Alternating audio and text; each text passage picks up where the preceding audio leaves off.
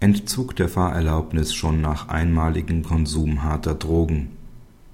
Bereits der einmalige Konsum harter Drogen (hier Amphetamin) begründet die fehlende Eignung zum Führen eines Kraftfahrzeugs.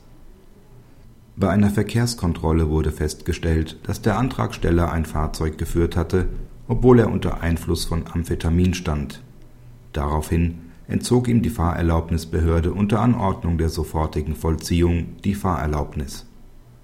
Den Antrag, die aufschiebende Wirkung seines Widerspruchs wiederherzustellen, lehnte bereits das VG ab.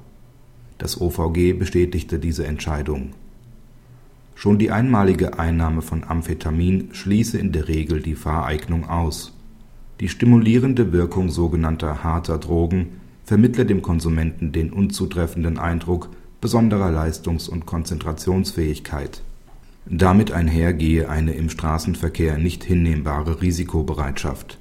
In Verbindung mit dem Suchtpotenzial harter Drogen ergeben sich hieraus für andere Verkehrsteilnehmer besondere Gefahren, die die Entziehung der Fahrerlaubnis rechtfertigten